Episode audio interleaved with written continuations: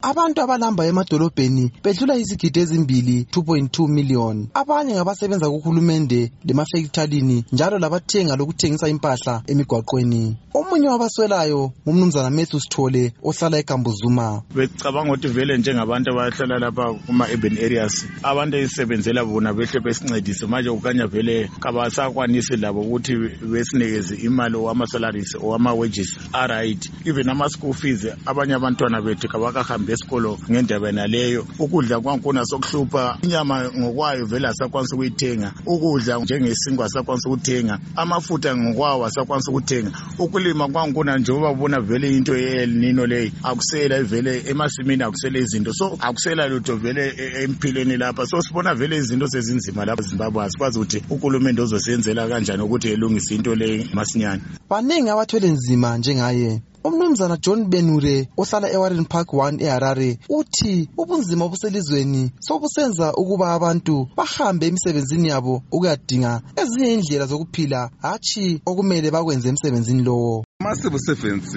ahambe emsebenzini ukuyesebenza bahambe kuyedinga imali ezinye indlela zabo. Um for example yabachaya ama-consultants lani lani ukuthi baphile ngoba imali yabo kayikhwani so bagcina bachaya ama-consultants bagcina bado all the other things. Bahamba emsebenzini ukwechiya ibhathi kuphela. Umnumzana kudzayi ruziwe uthi impilo inzima kakhulu ezimbabwe. Imali zokulima bayatshontsha. Imali engakahulumende bethi ngeyabo. Kuthi imali eziphiwa abantu eze-social welfare. Abantu kumele bathole lezi mali kodwa kabazitholi ngitsho. Esinye isakhamuzi seharare othe igama lakhe ngufarayi uthi abantu abaningi sebethembele kunkulunkulu. Just have to hustle day in day out. Kufuze sidinge imali amalanga wonke akula okulungayo wonke umuntu uyakhala. Kulonkulunkulu phezulu ezulwini siphila ngomusa wenkosi. By the grace of God.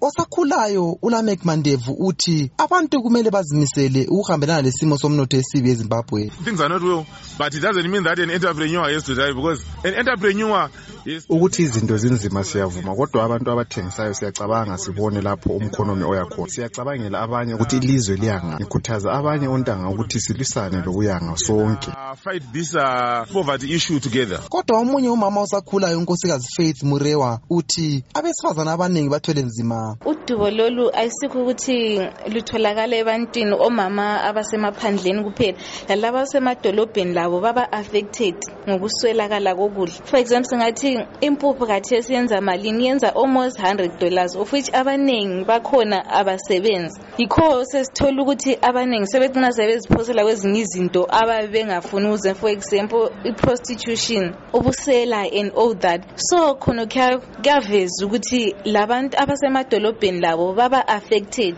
Ayisikho ukuthi ngabasemaphandleni kuphela. And of which masingazakhangela abemaphandleni sometimes liyakwanisa ukuncedana izakhamizi and all that. Kodwa masesikhangela emadolobheni kukalutshwane ukuthi omunye ekhangele umakhelwane and all that. So ngabe ama-organization bekhangele wonke umuntu not ukuthi abasemaphandleni kodwa behlanganise bonke abasemaphandleni labasemadolobheni. Omela ugatsha lukahulumende olubona ngabantu abaswelayo olwe-social welfare umnumzana clifford madurera uthi bahlolisisa inani labantu abaswela ukudla. Yes we started to identify people in every community.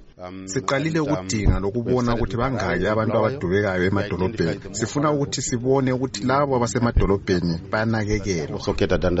program. Liyakhuphuka inani labantu abaswela ukudla emadolobheni lemaphandleni ngimele istudio 7 ngiseharare ngingumlondolozi ndlovu